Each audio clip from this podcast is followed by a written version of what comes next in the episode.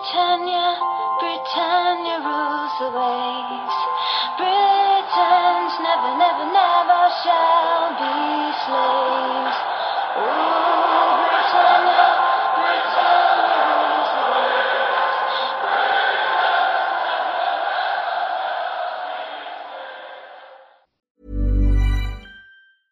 Hiring for your small business? If you're not looking for professionals on LinkedIn, you're looking in the wrong place. That's like looking for your car keys in a fish tank.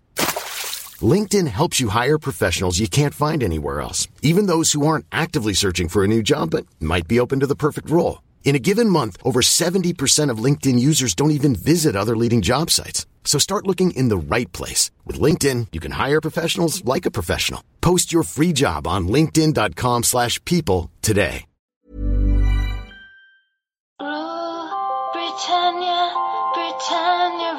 Rules the waves. Britons never, never, never shall be slaves. Ooh, Britannia, Britannia rules the waves.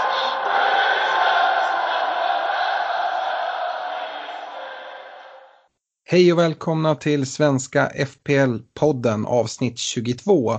Vi ska nu kolla fram mot Game Week 15 som är en mitt i veckan-omgång, men även kanske lite mot Game Week 16. Agendan för dagens avsnitt kommer skilja sig lite åt. Vi kommer göra en liten ny, ett nytt test. Vi kommer inte köra en eh, regelrätt matchgenomgång som vi tidigare har gjort. Utan vi kommer gå igenom Game Week 14 med lite mer saker vi tar med oss ur ett FPL hänseende, Vilket borde bli en liten kortare del av avsnittet. Och så slår vi ihop Game Week 14 med det normala segmentet noterbart från veckan. Efter vi har gått igenom Game Week 14 så kikar vi in i poddligan, hur ställningen ser ut där i topp och även hur det artar sig för vårt gemensamma poddlag. Rekommendationer kommer även komma och då det är kort eh, tid fram till deadlinen imorgon tisdag så kommer vi även lägga ut rekommendationerna på Facebook-sidan. Och avslutningsvis så har det kommit in en hel del lyssnarfrågor som vi ska försöka bränna av så många som möjligt. Och eh, med det så tycker jag vi drar igång Stefan. Du, du är med. Jajamän, jag är med. Eh, som sagt, vi spelar den här veckan in då på måndagen, alltså den 3 december. Och eh, det kommer inte komma upp något avsnitt innan Game Week 16 kan vi säga på en gång. Men om vi kastar oss in i Game Week 14 så har jag tagit med mig lite saker. Eh, Crystal Palace, Zaha gjorde inga poäng den här gameweeken. Eh, däremot så var han väldigt bra och eh, låg bakom väldigt mycket i Crystal Palace. Och nu när Palace spelschema har lättat så tycker jag att det är en spelare man kan kolla mot. Och jag tycker han är framförallt en spelare utöver van Bissaka i backlinjen som är intressant. Eh, I, I helgen så tyckte jag även Townsend och Max Meyer på mittfältet gör det väldigt bra också. Men mittfältare finns det så pass gott om alternativ så att jag tror inte det är ditåt man ska titta. Sen så vet jag inte hur mycket man ska ta med sig från den här matchen då vi kan fortsätta att konstatera att Burnley är riktigt bedrövliga och riskerar förmodligen att åka ur. Så, Stefan, har du någonting du har noterat? Ja, men eh, vi hade ju en match eh, mellan Manchester City och Bournemouth och jag tycker väl Manchester Citys offensiv den fortsätter ju att imponera. Eh, och eh, Sané och Sterling är, är båda två i, mitt, i min bok väldigt, eller extremt bra val här. Eh, jag tror på mycket speltid, båda hotar. Eh, båda hade kunnat gjort mer poäng i den här matchen än vad de fick med sig. Eh, och ja, men som sagt, båda två kommer fortsätta leverera poäng tror jag i, i ligans bästa offensiv. I övrigt kan man notera att från den här matchen att David Silva vilas, eh, men får hoppa in på slutet, vilket eh, är lite av en besvikelse för de som ägde honom. Eh, men, men det här tycker tyder jag, tycker jag bara tyder på att han kommer vara ett bra val om de kommande 3-5 veckorna för att han troligtvis kommer spela en hel del då. Ett billigare alternativ på mittfältet är ju Bernardo Silva som också visar upp att han kan vara ett billigare alternativ in i, i city. Eh, Agüero, eh, han dras med en lättare skada för tillfället och eh, Guardiola pratar upp Jesus betydelse för laget här i, i det tuffa decemberschemat. Eh, vilket är ju lite oroande för, för Agüeros eh, minuter även när han är frisk. Eh, annars så tycker jag i Bournemouth så kan man ta med sig att Wilson fortsätter leverera poäng. Eh, och att Fraser fortsatt eh, är bra fast eh, han byts ut med en misstänkt skada i den här matchen. Så vi får följa upp hur, hur eh, det utvecklar sig. Brooks offras också på grund av att Bournemouth ställer upp med någon form av defensivare uppställning så att han får endast komma in med ett kortare inhopp. Yes. Leicester mötte ju Watford och här visar ju Vardy att han är ett anfallsalternativ. Han gör ju ett straffmål på en straff som han själv fixar. Eh, Madison gör också ett väldigt fint mål för de som haft tålamod med honom. Han tog ju ett rött kort här senast men var tillbaka nu direkt och han blev avstängd i ligacupen i veckan. Dock ska man ju ha klart för sig att Leicester har ett väldigt tufft schema som väntar här efter Fulham-matchen eh, som kommer nu eh, här i, i veckan. Och um, vi, vi pratade ju mycket om Leicesters fina spelschema men nu så går det till ända. Det är väl inte supertufft men heller inte att man vill fylla sitt lag med, med Leicesters spelare. Eh, Capo i Watford tar ett direkt, direkt rött kort. Inte jättehårt och jag vet inte, jag har i alla fall inte läst något att FA ska ha eh, strykt det kortet utan i så fall ska han ju vara avstängd i, i tre matcher i så fall. Så att eh, ja, det, det är egentligen det enda jag tar med mig från eh, Leicester Watford. Ja, eh, sen hade vi ett eh, eh London-derby mellan Arsenal och Tottenham. Eh, och jag är självklart glad över, över utkomsten på den här matchen. Men det man kan ta med sig ur eh, fantasy-synpunkt så var det att Arsenal fortsätter med sitt eh, 3-4-3 eh, system som de har använt eh, på slutet. Och Eh, i och med att eh, de är övertygade eh, så pass mycket i den här matchen så tror jag inte det kommer ändras framöver. Özil är fortsatt borta från laget. Det ryktas om en, en ryggskada. Men jag är inte nu är faktiskt jag inte helt övertygad för att jag, eller jag tror att, i alla fall att han kan få lite tuffare att komma in i, i laget. För att dels så passar inte det här spelsystemet honom speciellt bra. Och sen vet jag inte om, om det rör sig om en, en riktig skada den här gången. Eh, annars kan man ta med sig att Aubameyang börjar se ut som en riktigt eh, fin kandidat. Han fortsätter leverera. Eh, han är en spelare som inte behöver speciellt många lägen för att, att, göra mål utan han är en riktigt vass eh, avslutare så jag tror att han kan hålla uppe en onormalt hög eh, eh ska man säga, eh, procent av sina skott som, som eh, leder till mål. Eh, annars så kan man så tycker jag både Lacazette och Ramsey är bra fantasyspelare men, där, men deras speltid är inte helt garanterade. Eh, jag tycker dock att eh, Kolasinac på, på vänster wingbacken ser väldigt spännande ut. Han skapar en massa lägen i den här matchen och eh, borde få fortsatt förtroende och då han, eh, kommer det leda till, till offensiva poäng om han spelar så här. I Spurs tycker jag det är lite eh, svårbedömt på grund av att Arsenal är bättre i den här matchen. Eh, men, men Kane, Eriksen och Alli är väl ändå eh, liksom pålitliga poängplockare från, från Spurs sida. Eh, där även Son är ett billigare alternativ. Men jag tror att han kommer roteras en hel del med, med Lucas Mora eh, här i december. Yes, du har fått lite tvivel där på Özil och Emerys eh, situation. Det är härligt att höra tycker jag. Det, det fröet som jag sådde för många veckor sedan. Vi eh, kollar Newcastle West Ham då. Eh, Rondon är en spelare som eh, jag vet eh, vi har pratat om och framförallt du Stefan. Han, eh, han hotar eh, liksom eh, West Hams försvar när Newcastle går framåt tycker jag. Men han lyckas ändå inte riktigt imponera. Eh, jag tror dock man ska kunna ha lite tålamod med honom ändå tack vare Newcastles fina spelschema och det kan nog komma, komma en del poäng därifrån. Eh, annars i West Ham så Arnautovic är ju fortsatt intressant även om det är Chicarito som gör, gör målen i den här matchen. Eh, men framförallt så är ju Filippa Andersson helt klart tydligt bäst på plan. Och West Ham har vi varit inne på, jättefint spelschema. Eh, Filippa Andersson är en spelare som jag i mitt privata lag först såg ut att vara tvungen att offra men jag var tvungen att kasta om mina planer. Han måste vara med i mitt lag nu och eh, till en billig peng också. Ja, och jag följer upp med ett eh, till London-derby här i Chelsea-Fulham. Där Hazard spelar 90 minuter. Det var ju länge rykten om att han eventuellt var skadad och hade en ankelskada. Eh, där han var ute och sa att det inte var någon fara men det var ändå ett frågetecken inför eh, gameweeken. Han gör det helt okej, okay, får en assist men han var inte i sitt eh, bästa slag.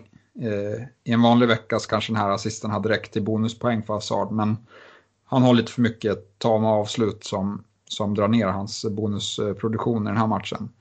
I övrigt så kan man notera att eh, Alonso faktiskt byts ut i 78 minuten och här kan det vara en skadekänning eller att eh, Sarri ville säkra defensiven då Fulham eh, försökte komma runt på, på hans kant framförallt. Bytte in eh, fräscha ben på, på både på forwardsidan och yttern eh, på, på deras högersida.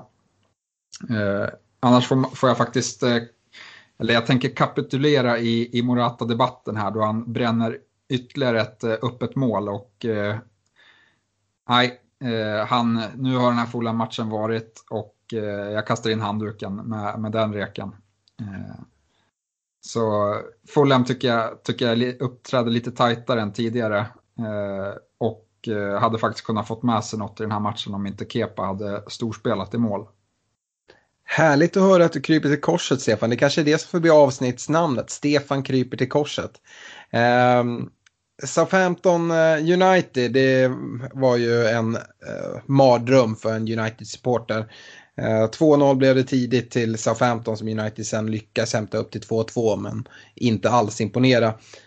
Eh, Sanchez har ju skadat sig i United och missar förmodligen resterande del av året. Vilket borde innebära att Martial kommer få ja, ännu mer, hans speltid borde säkrats ännu mer. Dock så börjar han på, på bänken här lite oväntat mot Southampton. Eh, och eh, Martial är väl egentligen den enda United-spelare jag skulle säga att det finns ett case att ha i sitt eh, fantasylag.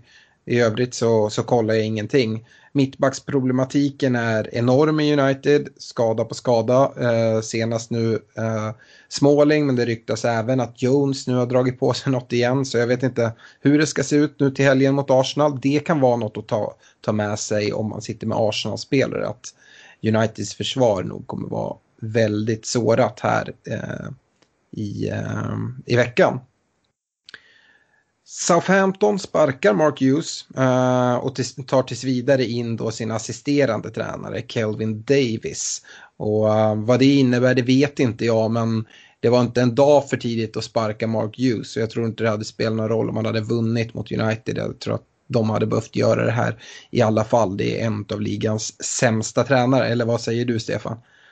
Ja, jag har aldrig, aldrig sett hans, eh, vad han ska bidra med. Jag tycker att eh, så fort han är i ett lag så är de eh, nedflyttskandidater direkt. Så nej, det, det gör de nog rätt i.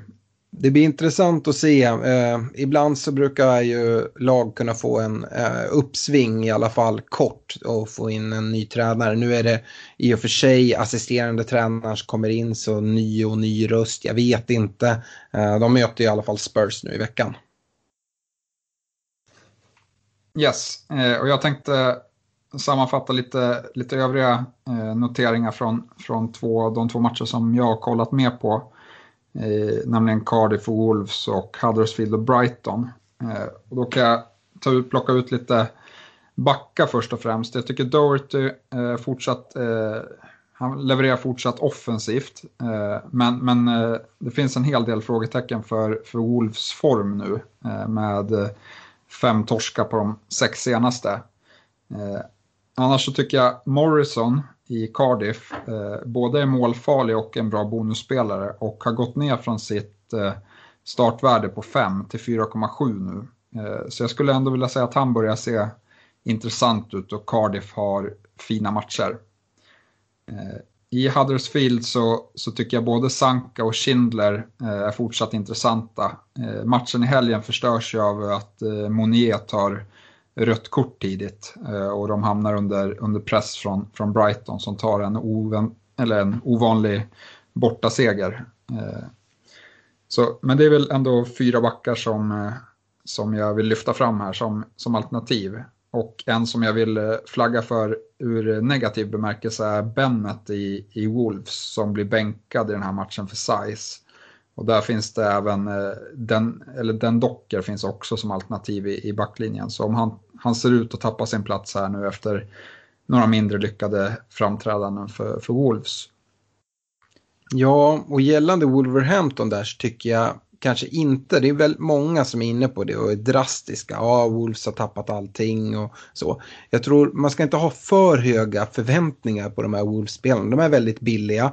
Eh, det är inget topplag, det är en nykomling även om det är ett eh, speciellt alltså en speciell nykomling med eh, ekonomiska muskler och ett starkt lag.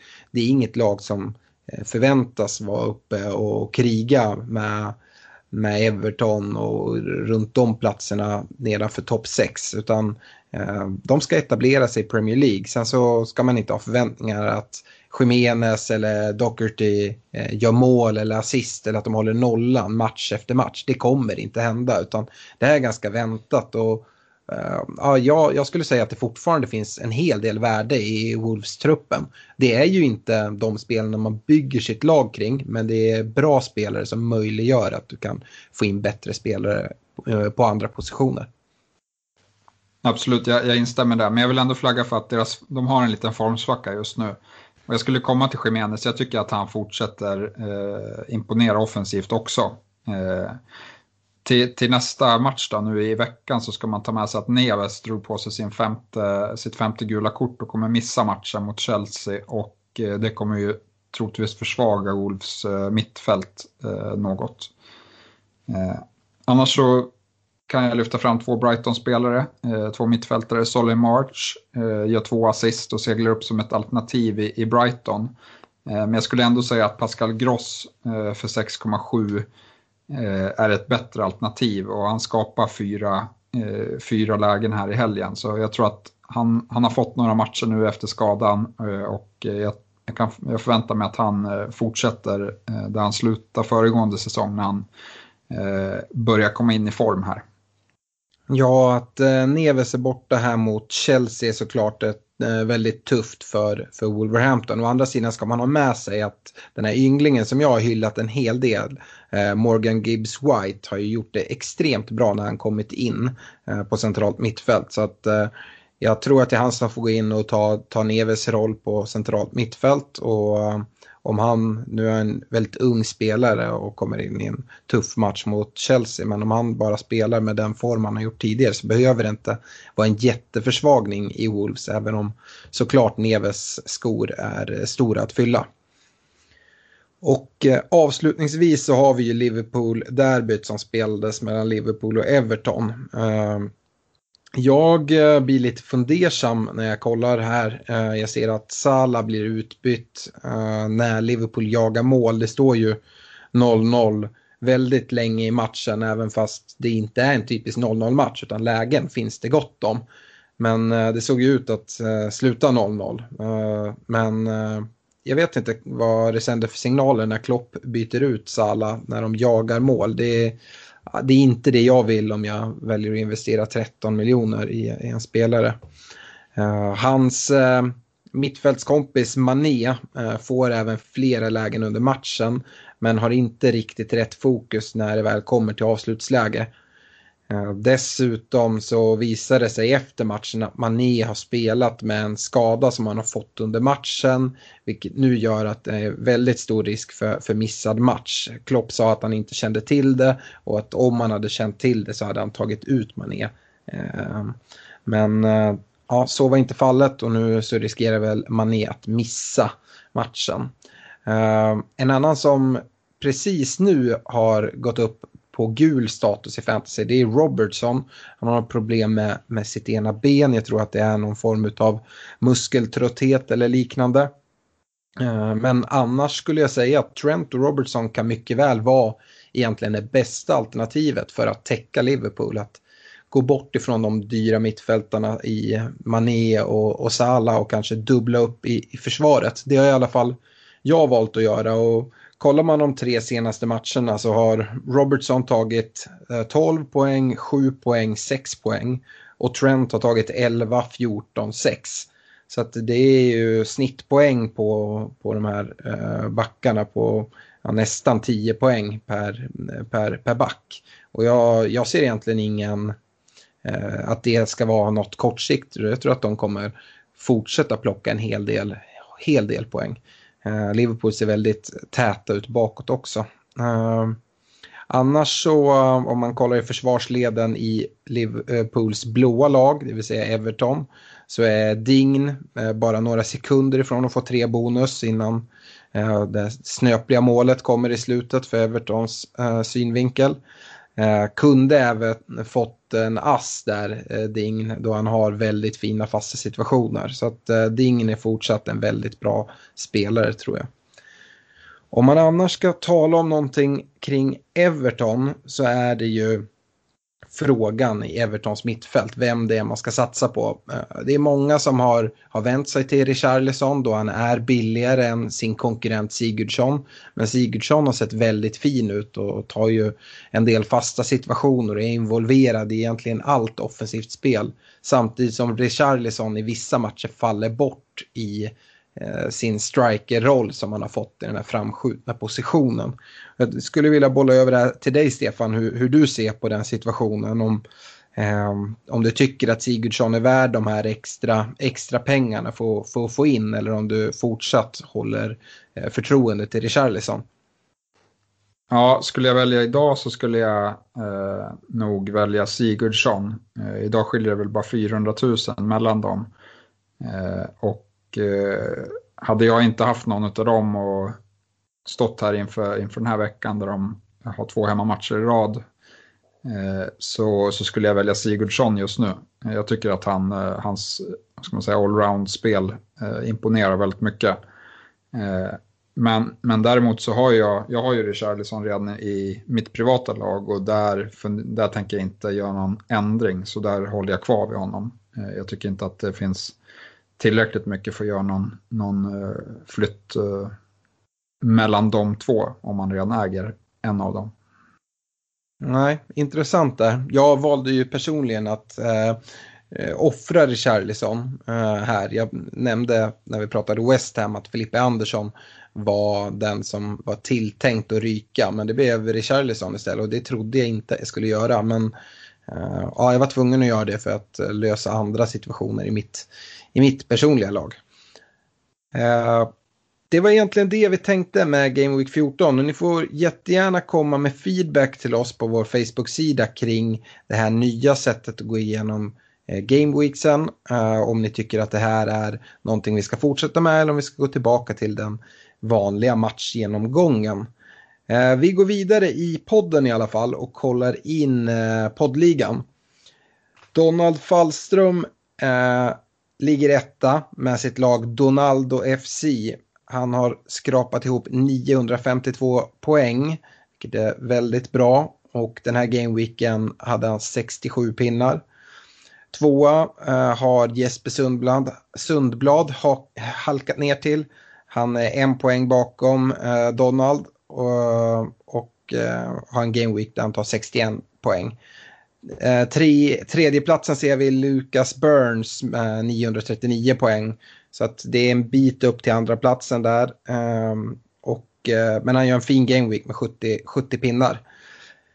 Och ehm, eh, poddlaget hade ju också en ganska fin, fin game week, Stefan. Vi satt ju där ganska oroliga länge inför ehm, Chelsea-matchen på, på söndagen. Vi hade ju eh, Agüero som eh, som vicekapten och Eh, han spelade ju inte. Och sen hade vi Hazard som, eh, som kapten och han var osäkert spel. Nu kom ju Hazard till spel men det var några nervösa minuter där innan startelvorna släpptes, eller vad säger du?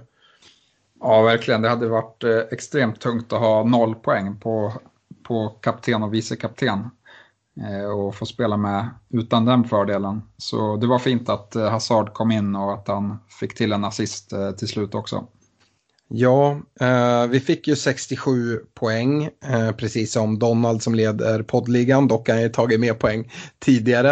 Eh, men eh, totalt ligger poddlaget på 872 poäng. Och eh, den här gameweeken vi gör nu med 67 poäng, det tycker jag ändå känns skönt. Average låg på, på 49. Eh, och det visar kanske att vi är på något sätt på rätt väg nu efter vårt wildcard. Um, vi gick från plats 109 till in på topp 100 igen på plats 85 med, med poddlaget. Ja, uh, ja. Jag, tyck, jag, tycker att, uh, att det var bra. Då, vi hade ändå lite otur med att både David Silva och Martial skulle jag säga vilas i det här tuffa spelschemat. men att båda kommer in och, på plan och plockar en pinne var. så lite, lite oflytt med laguttagningarna. Men, men som sagt, eh, det båda väl gott inför, inför kommande veckor att eh, eh, de har vilats. Ja, kopplat till byten så blir det ju en del förändringar. Vi passar på att göra trippelbyte den här veckan. Och vi hade ju ett sparat byte så det gör ju att vi tar minus fyra nu och vi har redan gjort bytet. Eh, vi gör alltså Aguero till Kane och vi eh, downgradar Alonso till van Bissaka och Martial blir Sané. Och jag tycker det känns eh, väldigt spännande och hoppas att eh, för poddlagets skull att Kane nu ska gå in i en riktigt fin period nu när Tottenham har de här fina matcherna och kommer nog hamna kaptensbinden där eh, mycket här nu framöver. Dessutom tycker jag det är väldigt skönt att få in Sané i laget. Ja, men det känns, det känns bra. Dels den, den, stor, eller den nedgraderingen vi fick göra var ju att ta ut Alonso då, mot van Bissaka. Men jag tycker van Bissaka ändå har visat upp igen att han är ett alternativ för att spela eh, vissa veckor. Samtidigt som Alonso eh, inte har var, liksom, sett så pass bra ut som han såg ut i inledningen av säsongen här. Så, och att framförallt att Chelseas defensiv börjar se mer sårbar ut tycker jag. Även mot Fulham släppte de till en hel del eh, lägen. Yes. Uh, ska vi följa upp rekommendationerna och det är lite roligare eh, läsning den här veckan än vad det har varit. Vi har haft lite, lite missar i våra rekar och lite oflytt tycker jag. Men uh, den här veckan satt det bra. På backsidan så rekommenderade jag Trent och du fan Bissaka och båda håller nollan och det är två sexpoängare där. Ja, och det är två bra val för, för lägre priser skulle jag säga.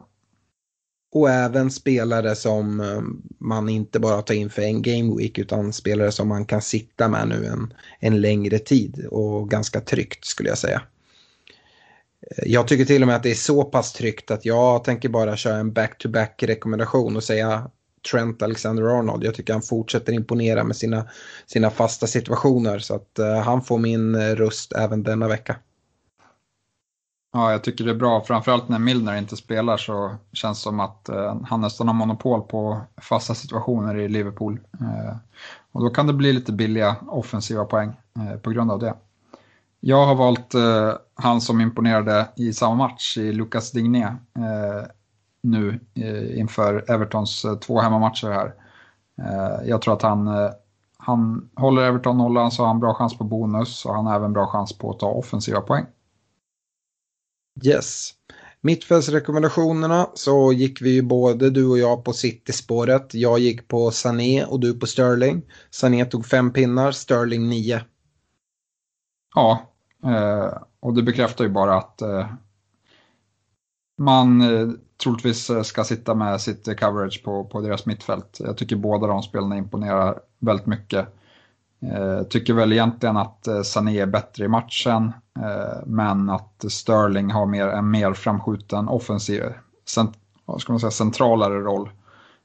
Så han hotar mycket hela tiden också och som sagt, båda kunde ha tagit ännu mer poäng i den här matchen. Ja, jag tycker ju Sané blir rånad på en assist där på första målet. Då han petar till bollen, målvakten gör en räddning som sen studsar ut och returen slås in. Känns som en given fantasy-assist, men jag vet inte varför han inte får den. Nej, jag har inte heller jag har sett lite debatt om det där på scouten. Jag tycker också att det är en assist. Jag hade skrivit in den när jag såg, jag satt och kollade på matchen och jag hade skrivit in att det där var assist för, för Sané. Eh, men han får den inte så det, det påverkar både hans poäng och hans eh, förmåga, eller hans eh, chans att ta bonus i den där matchen. Så jag tycker att de som satt med Sané eh, ska känna sig att de hade lite otur där. Och då inkluderar vi mig som satt med kaptensbindeln på Sané kan man lugnt säga i mitt privata. Ehm, den här veckan så skulle jag vilja rekommendera Felipe Andersson i West Ham. Jag pratade ju om honom när vi pratade West Ham generellt.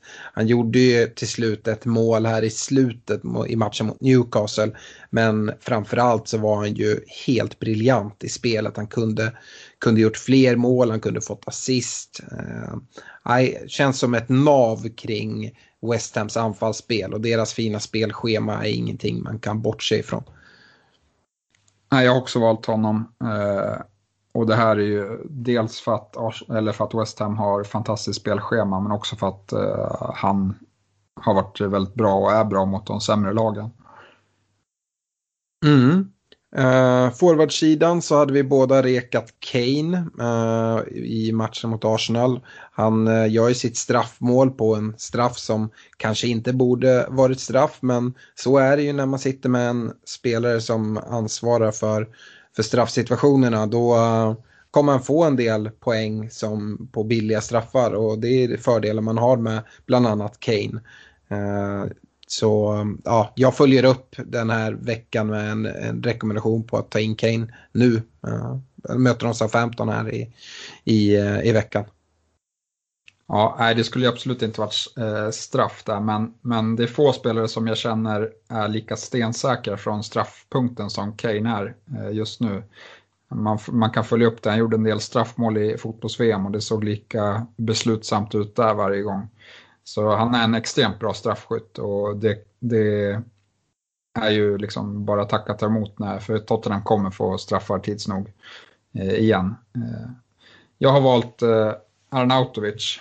Eh, nu då han, eh, han var fit eh, och spelade, tog en assist. Eh, jag tror att han har, har mer eh, att ge framöver här. Mm. Eh, du eh, känner inte att det är någon risk nu här när Chicarito kommer in och gör det bra? Det kändes lite som att Chicarito kom till de här eh, bästa avslutslägena nu i, i helgen.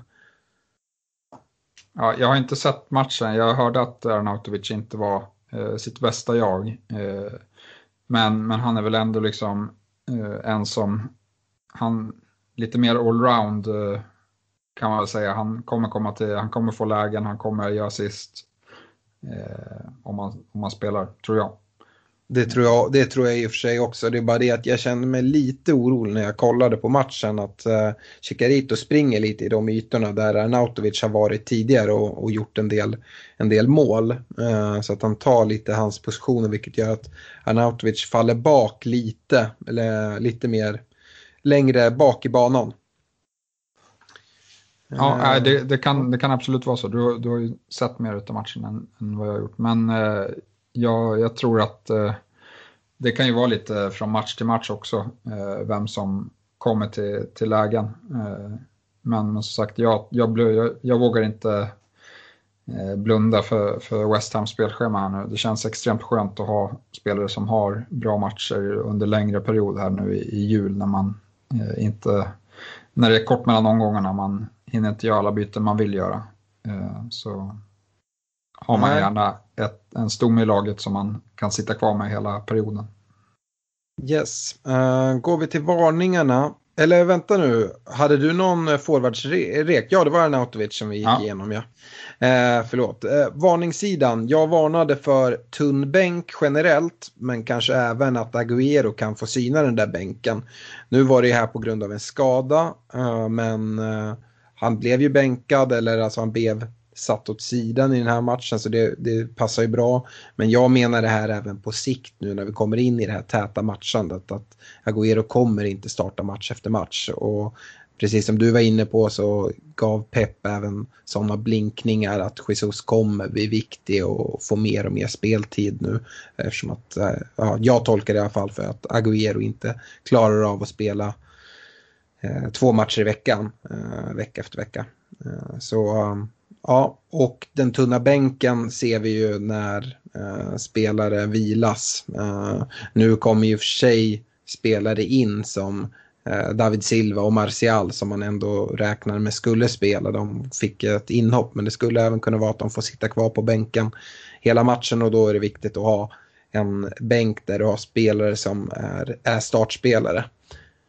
Eh, du, eh, du varnade för Arnautovic men det var ju egentligen mest för uh, hans, uh, hans gulmarkering och eventuella frånvaro i, i veckan. Uh, men han kom ju till spel så att den kan, varningen kan vi nästan bortse ifrån. Ja, det är lite, det är lite jobbigt med honom fortsatt att han ska ha så mycket skadeproblem här men jag tycker ändå att spelschemat väger över till hans, hans fördel. Eh, det, det, skulle kunna vara liksom eh, ja, men dubbla poäng, eller vad ska man säga, tvåsiffriga poäng eh, nästa match. Så ja, jag, jag vågar inte sitta utan honom här. Mm. Eh, på varningssidan nu så skulle jag vilja nämna Mesut Özil, en spelare som du var inne på, har, eh, har varit skadad, eh, om man nu har varit det, men det är den information som kommer ut. Däremot så fick eh, Emery frågan på presskonferensen efteråt om, om Özil och ganska irriterade svar. Han vill prata om de som spelar. Han, eh, han hade ingen aning om Özil var på läktaren eller eh, vart han var någonstans. Eh, jag tycker att det tyder på att ah, allting står väl inte helt rätt, rätt, eh, rätt till mellan Emery och Özil oavsett om han är, har någon liten småskada eller inte. Det är i alla fall så jag tolkar det. Så att, eh, dessutom ser Arsenal fina ut utan Özil vilket gör att jag tror inte att han kommer stressa in Özil i, i det här bygget. Nej, jag tyckte väl framförallt eh, första halvlek, eh, första halvtimmen i första halvlek, det var det bästa vi har sett från Arsenal den här säsongen. Eh, och jag tycker det är lite, faktiskt, eh, vi har ju två byten i halv, halvtid i matchen, men jag tycker både Mkhitaryan och Iwobi som blir offrade i halvtid gör en bra första halvlek, så jag tycker de eh, har lite otur där att, eh, liksom att eh, ja, Emery vill göra någon slags förändring. Nu får ju det väldigt bra effekt. Eh, de, han tar in Ramsey och Lacazette som båda bidrar till att Arsenal vänder tillbaka matchen. Eh, men, men som sagt, det är många spelare som imponerar den här matchen och, och Özil eh, kommer ju få, om man kommer tillbaka i, i form så kommer han ju få kämpa ändå för att ta tillbaka sin plats. Ja, och Emery har ju visat tidigare, även om det inte är någon skada, att han är inte rädd för att sätta Özil på bänken eller plocka ut honom tidigt. Så att uh, jag tror inte att han har någon gratisplats på något sätt, trots att han är den spelare i Arsenal som har den absolut högsta lönen. Nej, jag instämmer. Jag, jag, jag vill varna för Agüero. Eh, både på grund av hans skada och på grund av att eh, Jesus verkar komma, eller det känns som att Jesus kommer få spela eh, mer minuter nu här i, i julschemat. Yes, uh, kaptensvalet då. Vi, uh, Eh, vi hade rekat Hazard, både du och jag, och du hade till och med lagt till att om Hazard är hel så ska han ha binden, men annars kan man vända sig till Sterling. Och båda de rekarna levererade, även om Hazard bara blev en assist och Sterling fick, fick nio poäng så, så fick vi ändå offensiv utdelning på, på båda spelarna. Eh, den här veckan så um, tycker jag att det känns ganska enkelt. Eh, Precis som att på forwardsidan så rekommenderar jag Kane. Nu möter de Southampton. Även om Mark Hughes har försvunnit från klubben så tror jag att uh, det är en match som, som, uh, som Kane kommer leverera i. Och det skulle inte förvåna mig om det blir mer än ett mål från Kanes sida. Ja, jag tycker att det, det är en bra rek. Jag, jag har också plitat ner Kane här, men jag vill ändå nämna att jag tycker att sitter man med Salah Eh, så kommer man ju vara besviken efter, eh, efter helgen. Men jag tycker ändå att man ska ge honom binden eh, eller kan ge honom binden om, eh, om man har honom och inte Kane till exempel. För faktum är att han byttes ut utan någon tecken på skada och så, så han kommer vara fräsch till, till nästa match. och skulle även Mané vara skadad då känns ju hans rotationsrisk minimal. Jag tror inte att han ställer över båda de två mot ett Burnley som ser uh, jättedåliga ut. Yes. Uh, Differential-delen uh, så pratade jag Tottenham sist också. Uh, både Alli och Eriksen nämndes tror jag från min sida. Uh, Alli fick ju bara en pinne här i matchen mot Arsenal och Eriksen fick väl en ass och landade på fem poäng. Uh, men jag tycker det är spelare som fortsatt är intressanta som, som differential även om jag har tittat på en annan spelare nu. Du, eh, du gick på rondonspåret Stefan. Ja, eh... Nej, det är som sagt, han, han kommer ju fortsatt till lägen men sätter inte, sätter inte dit bollen. Eh, ja, har man tagit in honom så har man, så har man ju ingen panik och, flytta på honom utan han kan ju spela när Newcastle har fina hemmamatcher. Eh, men, men som sagt, eh, han har, han har inte riktigt kunnat leva upp till de här, den här fina matchen han gjorde för några veckor sedan. Nej, har du hittat någon annan differential den här veckan? Ja, jag tycker, jag tycker eh, vet det, som Spurs som du är inne på, ser väldigt intressant ut. Och nu vet jag inte, men jag skriver Alli, men jag vet inte om Eriksen har över eller under 5 Men, men Alli har under i alla fall. Eh, så, så han har jag kört på. Jag tycker han, även fast han tar en poäng här mot Arsenal så tycker jag väl ändå att eh, han eh, ser, ser pigg ut kan man säga. Han, eh, han eh, ser rapp ut och eh, det tror jag kommer eh, ge honom en del poäng här mot när de har fina matcher. Mm. Jag, eh, normalt sett brukar jag försöka kolla på spelare när vi rekar som eh, ser bra ut under en väldigt lång tid framåt. Nu har jag gjort en mer kortsiktig rek som kanske kan funka även på lång sikt men det är Chicarito i, i West Ham. Han gjorde ju två mål som sagt och jag tyckte han kom till väldigt fina, fina situationer och med den leveransen han får från Snodgrass och, och eh, Filippe Andersson framför allt men även av Arnautovic så, så kommer han nog peta in en del bollar. Han är ju en riktig måltjuv och, och sniffar sig till lägena. Så um, uh, Chicarito, det är typiskt en sån spelare också som kommer in i sån här stim, alltså en måltjuvs-stim och bara han gjorde han två mål här senast, han kan eh, fortsätta att göra de här målen. Och som sagt har vi varit inne på West Hams fina spelschema. Så får han speltid där framme så kommer, kommer det rulla in och han kommer ju definitivt starta nu i veckan eh, när han precis har gjort två mål. Det, det känner jag mig rätt trygg med. Eh, det var rekommendationerna och varningarna eh, och jag vill påminna alla om att deadline nu för Game Week 15 är imorgon tisdag 19.45 och eh, sen för Game Week 16 så är eh, deadline lördag tidigt 12.30. Så ni inte missar dem.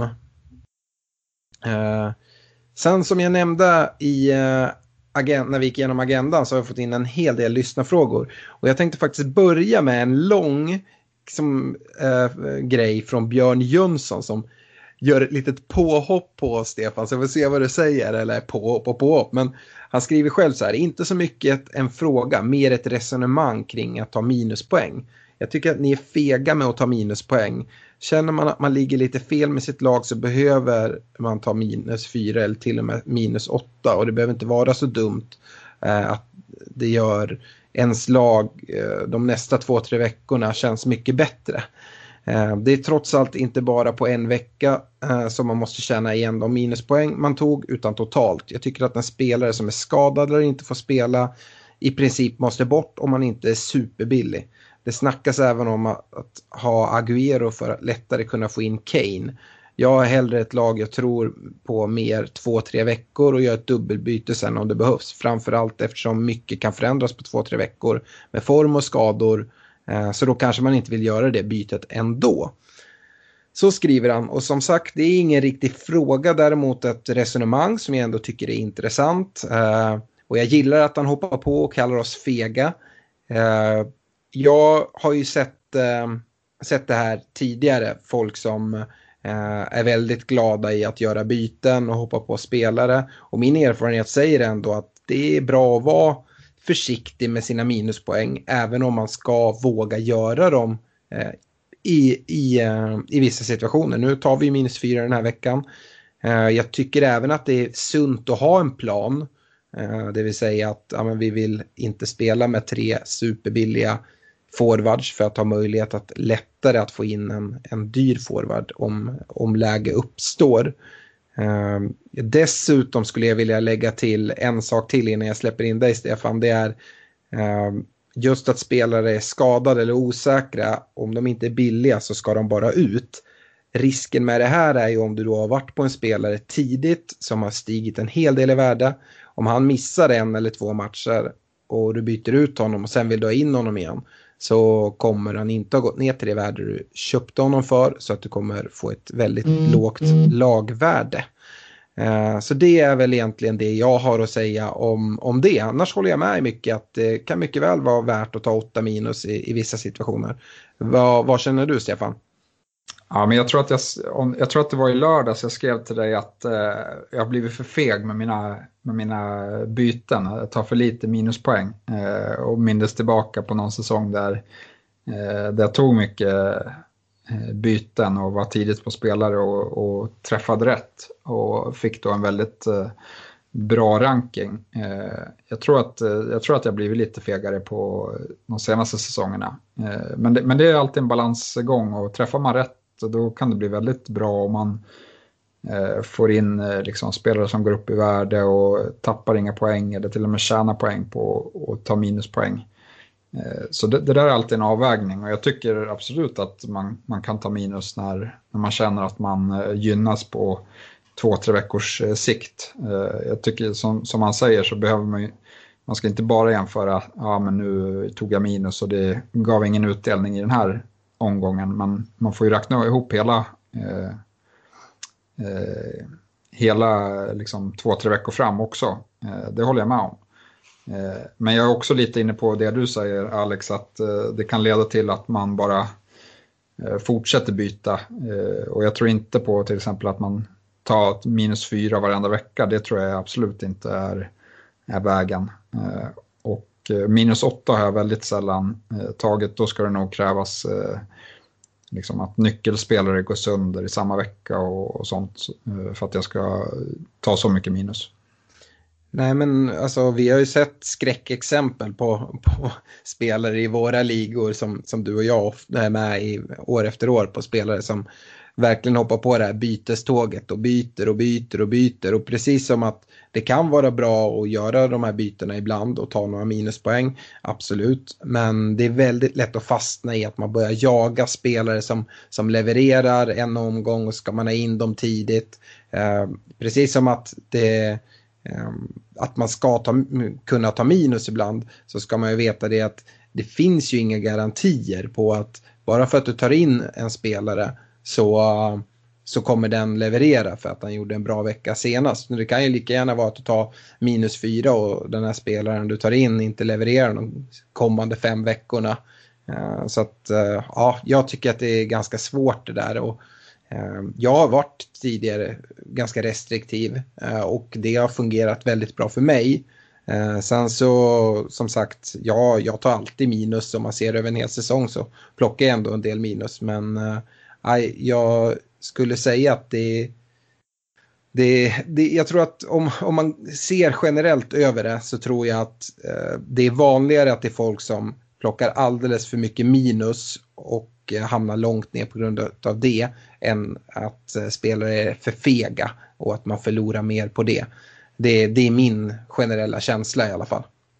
Ja, jag, vill, jag vill även lägga till att eh, när jag var lite offensivare med bytena för Eh, ett par säsonger sedan så var det även en annan prisdynamik i, i hela fantasy. Det var snabbare rör, prisrörelser och man kunde bygga eh, mera lagvärde om man plockade in spelare tidigt. Det var inte ovanligt att eh, spelare kunde gå upp 0,3 på, på en vecka, vilket eh, nästan aldrig händer nu mer. Eh, ska, ska jag vara...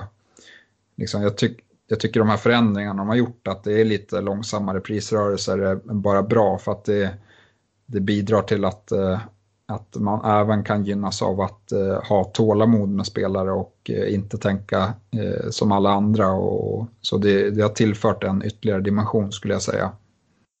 Mm, det var ett eh, långt svar där på Björn Jönssons resonemang men jag tycker ändå det är intressant att prata kring, kring minuspoäng. Jag tyckte det var en, en, ett bra inlägg Björn kom med. Eh, Chris Karlsson har kommit med en fråga och säger så här. Berätta gärna vilka byten ni sneglar på i veckan i era privata lag. Och jag kan väl börja där på en gång. Jag har ju redan gjort ett dubbelbyte och tagit minus fyra poäng apropå att vara feg.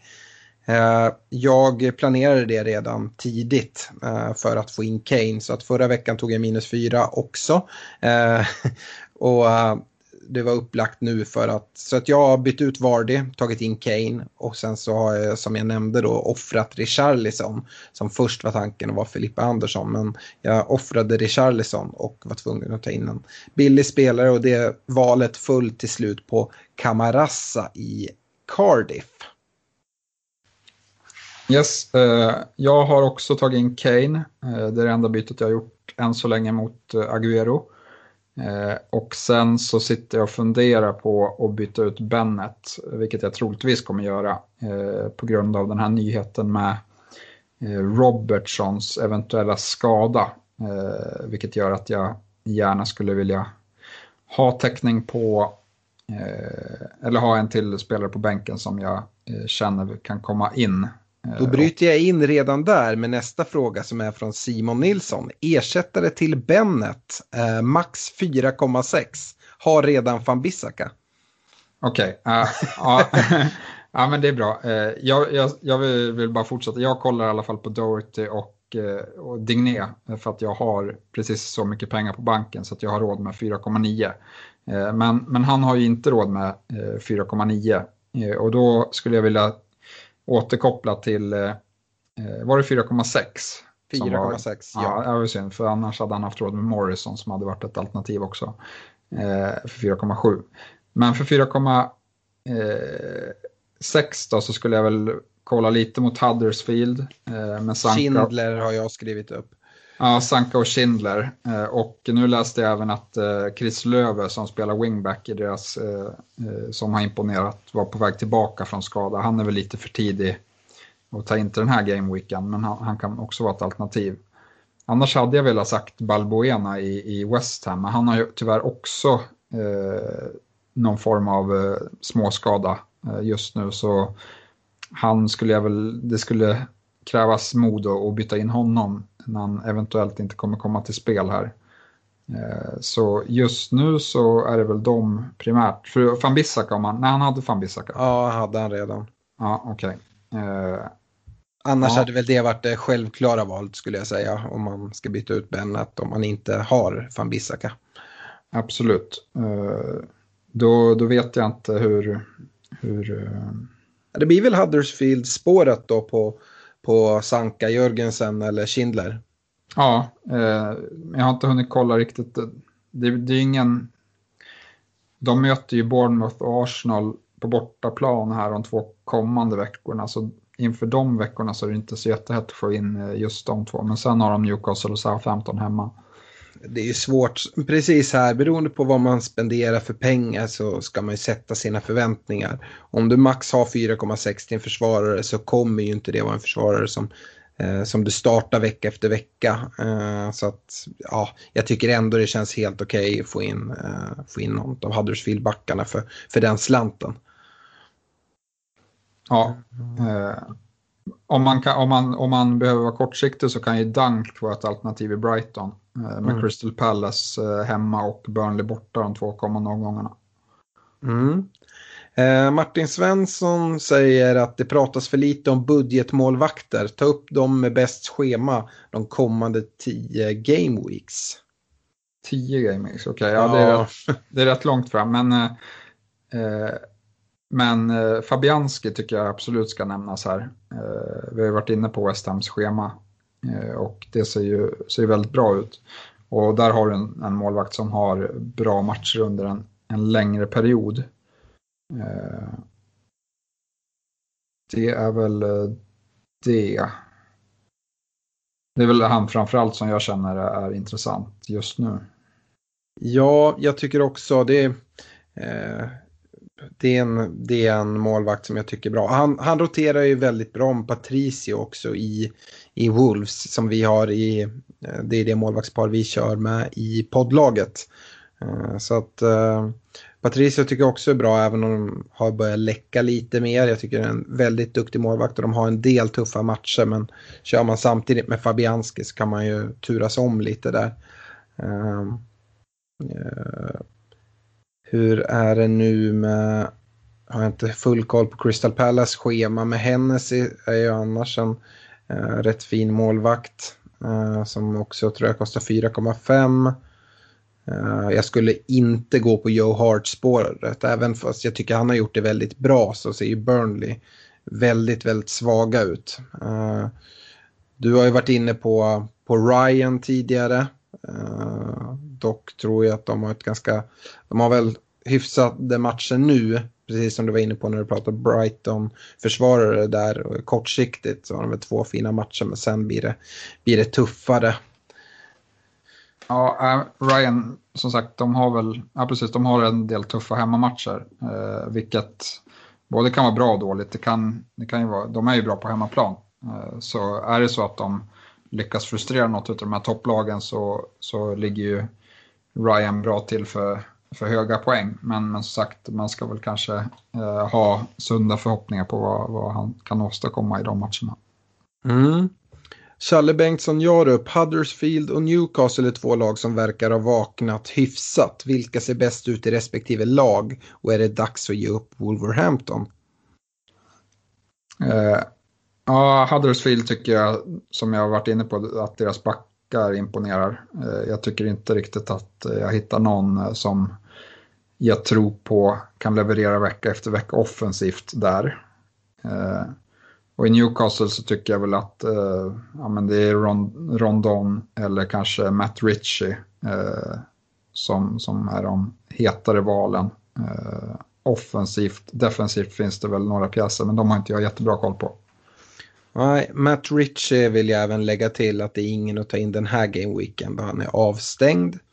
Eh, men annars håller jag med. Eh, jag tittar dock inte åt varken Huddersfield eller Newcastle eh, som det är just nu personligen. Och, nej, jag skulle inte hoppa på något där just nu. Det skulle i så fall vara Rondon då eventuellt.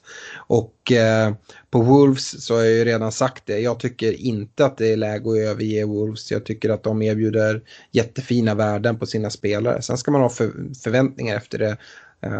jag tycker Eh, både Doherty, Jiménez, Patricio i mål erbjuder fina värden men det är inte spelare som man kan förvänta sig eh, dubbelsiffriga poäng vecka efter vecka.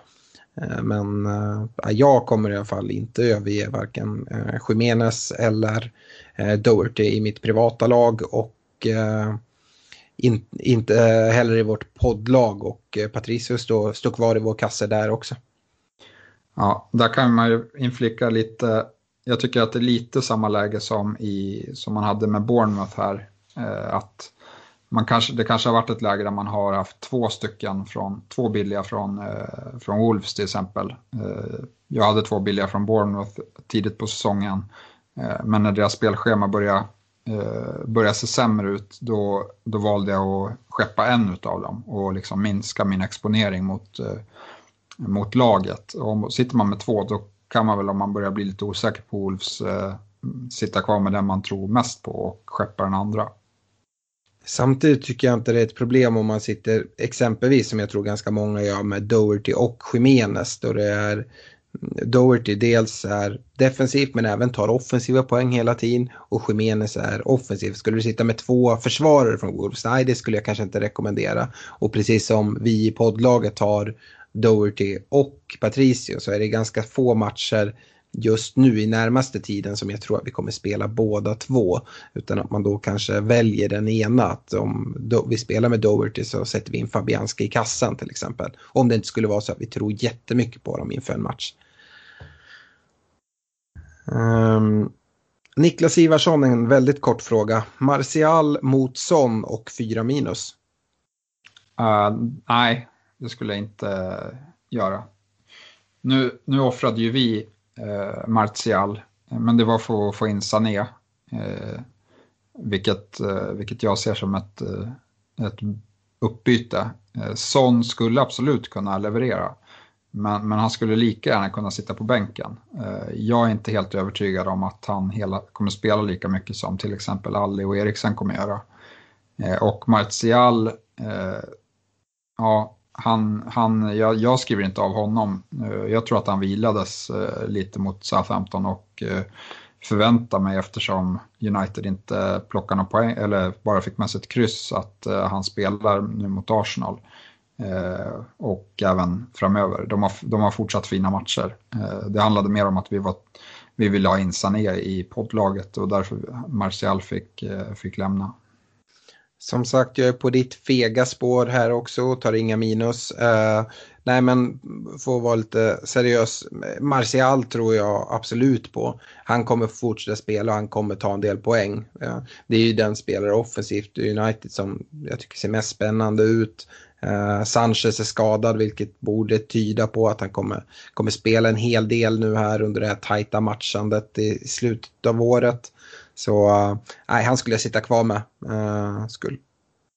Om jag var i Niklas situation och kollade mot Son. Så nej, då hade jag suttit kvar. Och han är ju troligtvis första straffskytt uh, i United också. Det är han eller Pogba i alla fall. Precis. Eh, uh, Oskar Ingelmark skriver, uh, sitter med både Salah och Hazard men saknar Sterling som känns som ett måste. Vem av Hazard eller Salah skulle ni offra? Offra Salah frigörs även lite pengar för framtiden. Ja, jag hade ju offrat Salah och det är det jag har gjort eh, privat också för att få in Sterling. Eh, men sen just till den här omgången så vet jag inte om jag hade offrat Salah för de möter Burnley. Eh, så där hade jag kanske eh, kollat på och avvaktat eh, till efter den här omgången. Ja, sen så tycker jag det är svårt med Hazard. Vi har ju sett hans höjder under Sarri. Men nu har han haft det ganska tufft ett tag i Chelsea. Samtidigt så har han stigit en del i värde. Så, och jag har någon känsla ändå att Hazard kommer att leverera över hela säsongen under Sarri om man bara får, får vara frisk. Så att därför sitter jag kvar med honom. Men jag ser ju att det är många som byter ut Hazard och han sjunker en del i pris nu. Men eh, jag sitter ändå tålmodigt kvar.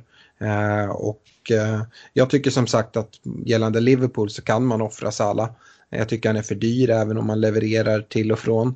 Eh, och eh, man kan välja att gå på till exempel Robertson och Trent och dubbla upp i försvaret där istället.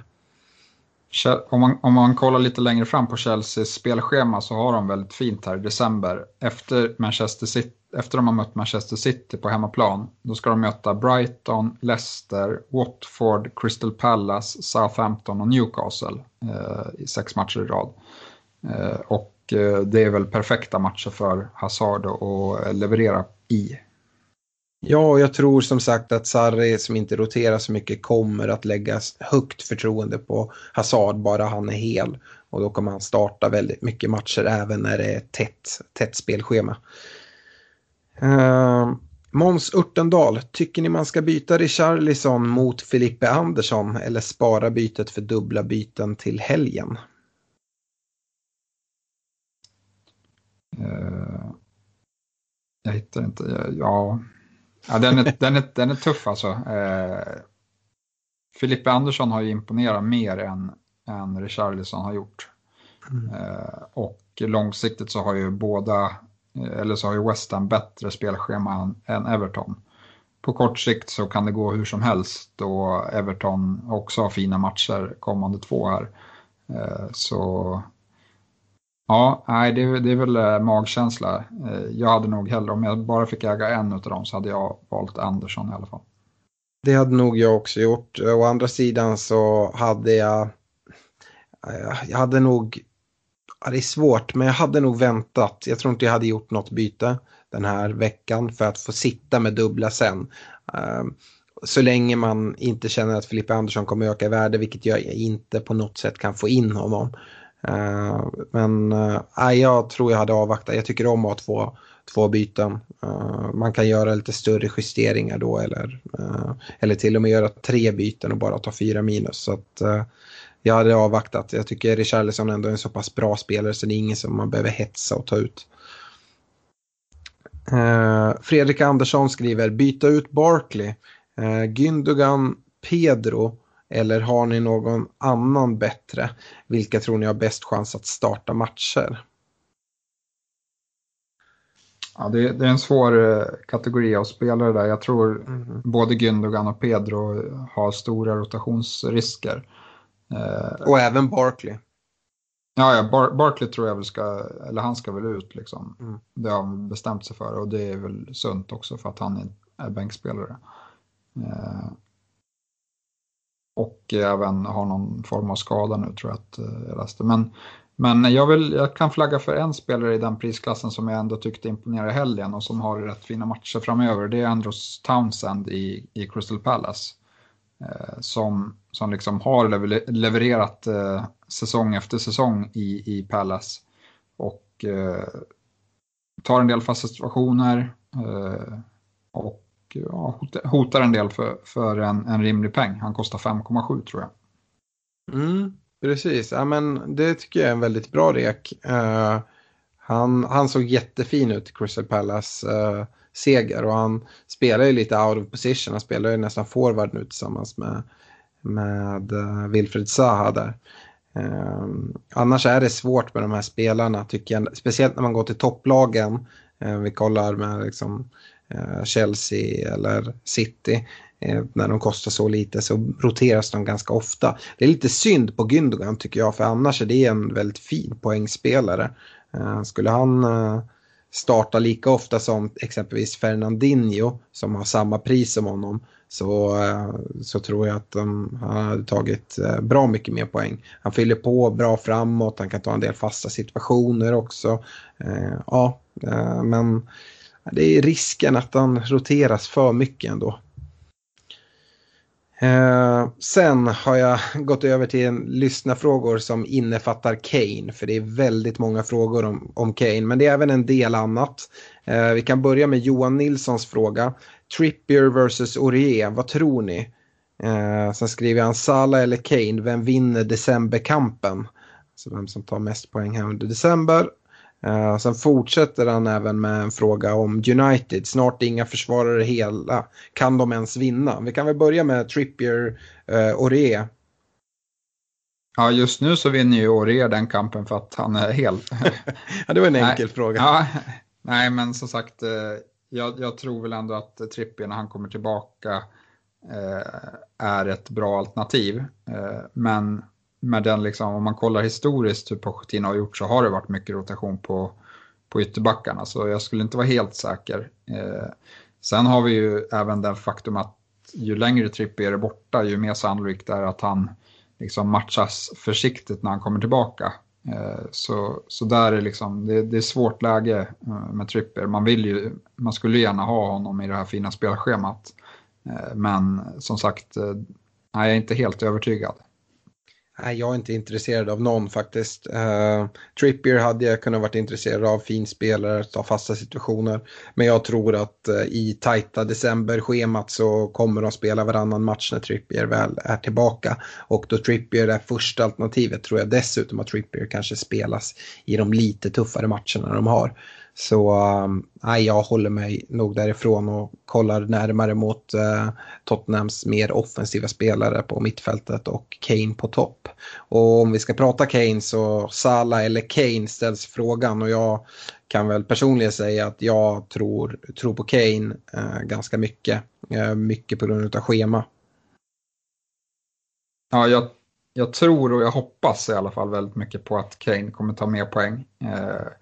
Men, men jag tycker att det finns frågetecken eh, för Kane. Nu, nu väger spelschemat för tungt för min egen del, men han, jag tycker att jag hade gärna sett att han imponerade lite mer än vad han har gjort. Eh, det kan bli ett, ett sånt här fall där man tar in någon som förväntas leverera för att han har gjort det historiskt, men att han inte hittar formen eh, och inte levererar.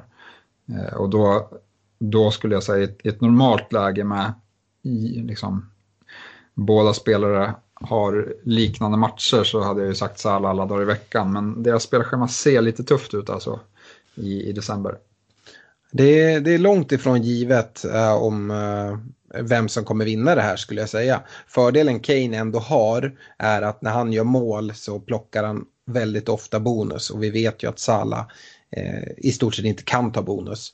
Så att eh, där väger det över lite till Kane. Jag tror att båda spelarna, in, ingen av dem riskerar att vilas speciellt mycket även fast det är tajt matchande. De är för viktiga för, för sina respektive lag. Eh, så vi får, vi får väl se helt enkelt. Men jag lägger mina slantar på Kane och kanske att då bonuspoängen kommer göra att han väger över. Eh, sen så hade han någon eh, känga där mot United och det är väl precis som man säger att nej, det finns inga försvarare hela. Nu som sagt ryktades ju att Jones skulle vara skadad också. I så fall skulle det vara Jones. Sen vet jag inte om Småling är tillbaka. Det skulle jag inte tro heller. Lindelöf är borta. Rojo har precis kommit tillbaka från skada.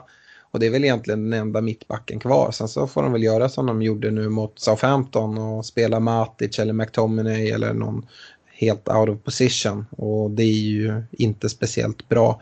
Baji är ju också skadad, han glömde jag att nämna. Eh, men ja, jag vet inte om de stressar någon tillbaka och eh, sådär. Men uh, det är i alla fall ointressant att kolla mot eh, Uniteds försvarsspelare i, i fantasy. Det låter ju ungefär som att ni har värvat Arsenals gamla fystränare med de här skadeproblemen. Ja, absolut. Nej, men det, det är helt underbart. Ja, det, man, det är bara att gräva ner sig lite. Men uh, uh, uh, vi får se. Det, det kommer nog lösa sig till slut. Uh, om inte annat så öppnar januarifönstret snart och får de väl köpa in någon, någon mittback. Uh, uh, har en fråga här från Lucas Burns, han som ligger trea i poddligan. Och det är också rörande Kane och det tycker jag är en av de mest intressanta frågorna som vi inte riktigt har nuddat på än i, ehm, i podden. Och det är Kane eller Aubameyang eller båda.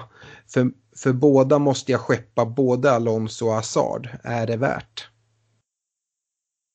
Nej, jag, in, eh, jag skulle i alla fall inte välja båda. Eh, Eh, det skulle jag inte. Och eh, nu väljer jag Kane här. Eh, och, men men, men jag, som sagt, jag tycker väl Aubameyang har imponerat mer än, än, vad, än vad Kane har gjort egentligen.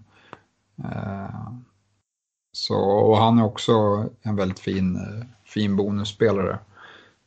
Så fort han gör någonting så sen tenderar han att ta bonus. Han är väl den forwarden som har tagit mest poäng i år också och leder, leder skytteligan. Ja. Men, men jag, jag, är inte helt såld på honom trots att jag är liksom Arsenal-supporter. Och, och det, det, jag tror att det är mycket det faktum att man tänker att ja, men han har fått si och så många lägen. Jag tror att alla hans skott som, han har, som har liksom träffat mål har gått i mål. Eh. Ja, jag tänkte, du, jag tror, du säger trots att du är Arsenal-supporter. Jag tror att det har på grund av att du är Arsenal-supporter. För du är generellt sett ganska skeptisk mot Arsenal eh, kopplat till spelare att äh, men de är inte värda, det är tufft, oh, nu möter vi eh, Huddersfield, äh, men vi brukar ha svårt mot Huddersfield, de gör alltid mål mot oss. Eh, Sådana saker. Så dels tror jag det väger in. Sen så kopplat till resonemanget med hans höga conversion rate, alltså skott som går i mål. Eh, där ska man veta att den conversion rate han har nu, den ligger ungefär en, ett av tre skott går i mål. Och det var exakt vad han låg på förra säsongen också. Så även på utdragen tid, han är en väldigt bra avslutare så att han har en hög conversion rate. Du pratade om det även när vi pratade i, i tidigt här i podden. Så att eh, hans conversion rate tror inte jag är något som kommer dippa nämnvärt sett över hela säsongen. Utan han är så pass duktig på, på att avsluta. Så att eh, jag Eh, jag tycker det låter tufft att eh, offra både Alonso och Hazard. Eh, eh med tanke på deras schema. Alonso skulle jag kunna tänka mig att offra. Hazard är jag som sagt lite envis med att sitta kvar. Um, och, men om man ställer frågan Kane eller Aubameyang. Här är faktiskt en ren magkänsla. Jag tror att många gör, eh, många av dem toppmanager som kommer sluta högt upp gör bytet nu från Agüero till Kane. Och jag tror att man kan sticka ut där genom att välja Aubameyang. De har ju också dessutom väldigt fint spelschema nu eh, efter United. Och då ska jag ändå säga att jag tycker att spelschemat mot United är en rätt bra match. Nu har vi precis gått igenom deras bristfälliga försvar där de knappt får ihop en enda mittback. Eh, sen så har Arsenal haft det tufft generellt sett på Old Trafford men ja, nu får ju United knappt ihop en backlinje så att, eh, och Arsenals offensiv ser bra ut. Men därefter så är det eh, en hel del sämre lag som Arsenal ska möta. Och, uh, det, jag tror man sticker ut om man går på, på Aubameyang och det, finns, det finns ett väldigt bra case på att, på att plocka, plocka in honom. sen så som sagt får man i så fall hoppas då att eh, de som plockar in Kane har gjort en miss och att han går in i någon form av måltorka. Eh, men eh, ja, jättesvår, jättesvår fråga. Men eh, gå på egen magkänsla. Jag har ju också valt Kane och vi har valt han i poddlager och du har valt Kane. Så av den anledningen kanske man ska säga Kane. Men ja, ja, vi hade frågan här vem som vinner decemberkampen om det var Kane eller Salah. Jag tror att Aubameyang ska blanda sig i det där också och kan mycket väl eh, ta med poängen både Salah och Kane. Så har jag sagt det också. Eh, Hampus Ledskog, Agüero Sterling ut mot Son och Kane in på grund av rotationsrisk. Pratar de om att ta ut Sterling? Jag blev ja. lite frågande nu när jag läste frågan bara. Ja, jag tror det. Och det hade jag inte gjort. Eh, jag tror, jag tror Sterling tar mest poäng i år av alla spelare. Eh, så han, han håller jag högt och jag ser väl att tycker deras spelschema ser bra ut också. Eh, rotationsrisk så har vi även pratat om Son där och jag tror att han har minst lika stort rotationsrisk som, som Sterling. Dessutom så har, har Sterling de matcher han spelar större chans att ta mer poäng än vad Son gör. Och även som inhoppare så tror jag att Sterling kan ta mer poäng än vad Son gör. Så att, ah, det där vet jag inte. Jag, jag, Agüero skulle han kunna ta ut och då kanske han inte har råd med Kane men då borde han kunna hitta pengar någon annanstans. Ta inte ut Sterling skulle jag säga. Eller så tar du ut Agüero och tar in Aubameyang. Uh, det skulle också kunna vara ett alternativ. Om du inte då har råd med Kane. Um, hade du några mer tankar kring det? Eller ska jag... Ja, vi tror jag har två, två frågor till. Jag tänker vi drar av allihopa. Ja, okej. Okay, ja. Kör. Uh, Jocke Kaptenen skriver, är det värt att ta minus åtta för att få in Kane och Son? Eller överhuvudtaget två Spurs-spelare? Det beror ju såklart jag... på vilka man tar ut, men ja. Ja. Uh... Ja, minus 8. Jag, jag, jag, skulle nog nöja mig med Kane i sånt fall om man kan få in honom för minus 4 till exempel. Mm. Nej, jag är inte heller helt såld på Son. Jag gillar Son jättemycket som spelare. Och skulle han vara ordinarie skulle det absolut vara en spelare som jag hade tittat mycket mot. Men eh, precis som du så är jag orolig för hans speltid och rotation. Eh, Robert Jonsson, sista frågan här. Byta Lacazette mot Kane. Eh, Tottenham har bra matcher men Kane eh, kändes inte het senast mot Arsenal. Ja, men jag tror att det är ett bra byte eh, ändå. Eh, som sagt, Lacazettes form och speltid har eh, sett lite sådär ut på, på slutet och Aubameyang har seglat upp och liksom gått om honom rätt rejält i i vem man eh, ska kolla mot i, i Arsenal. Eh, men i, i, Tottenham så är det ju Kane som, som är forward och straffskytt. Så ja, jag skulle säga att det är ett bra byte. Ja, jag, jag med. Och om man ändå vill vara kvar på Arsenal-spåret så skulle han kunna köra Lacazette till Aubameyang. Eh, både du och jag har ju, har ju talat gott om Lacazette och Eh, tidigare här under säsong hållit honom högre än Aubameyang. Och det tycker jag vi gjorde med rätta men nu har, eh, har pendeln svängt och nu är det Aubameyang man ska sitta med om man sitter med en Arsenal-forward skulle jag säga. Det var avsnittet. Eh, och som sagt så är det deadline redan imorgon tisdag. Och eh, sen så har vi matcher tisdag och onsdag och sen så ny omgång till helgen. Det kommer alltså inte komma ett nytt poddavsnitt innan lördagen och eh, helgens matcher. Däremot så tänker jag att vi lägger ut lite rekar, kaptens eh, rekar, varningsflaggor eh, efter, någon gång efter onsdag. Vi kör dem på, på torsdagen kanske på Facebook-sidan inför helgens matcher. Eh, och kanske någon Facebook livesändning. Vi får se vad som hinns med. Men det är lite tanken i alla fall. Eh, ge oss jättegärna feedback på eh, det här nya eh, upplägget vi körde i början av avsnittet istället för den regelrätta matchgenomgången eh, som vi nu gjorde. Vad, ska vi gå tillbaka till det eller är det här någonting vi ska satsa på? Skriv gärna i eh, vår Facebookgrupp eh, så önskar jag stort lycka till här inför Game Week 14 som drar igång, ja, som drar igång om mindre än 24 timmar. Uh, lycka till och ha det bra. Hej! Ja, lycka till och ha det bra.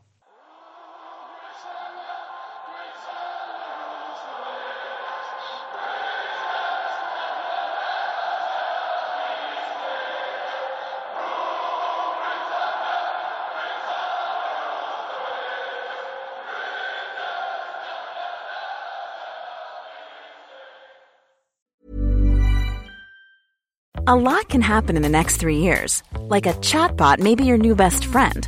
But what won't change? Needing health insurance. United Healthcare Tri Term Medical Plans are available for these changing times. Underwritten by Golden Rule Insurance Company, they offer budget friendly, flexible coverage for people who are in between jobs or missed open enrollment. The plans last nearly three years in some states, with access to a nationwide network of doctors and hospitals. So, for whatever tomorrow brings, United Healthcare Tri Term Medical Plans may be for you. Learn more at uh1.com.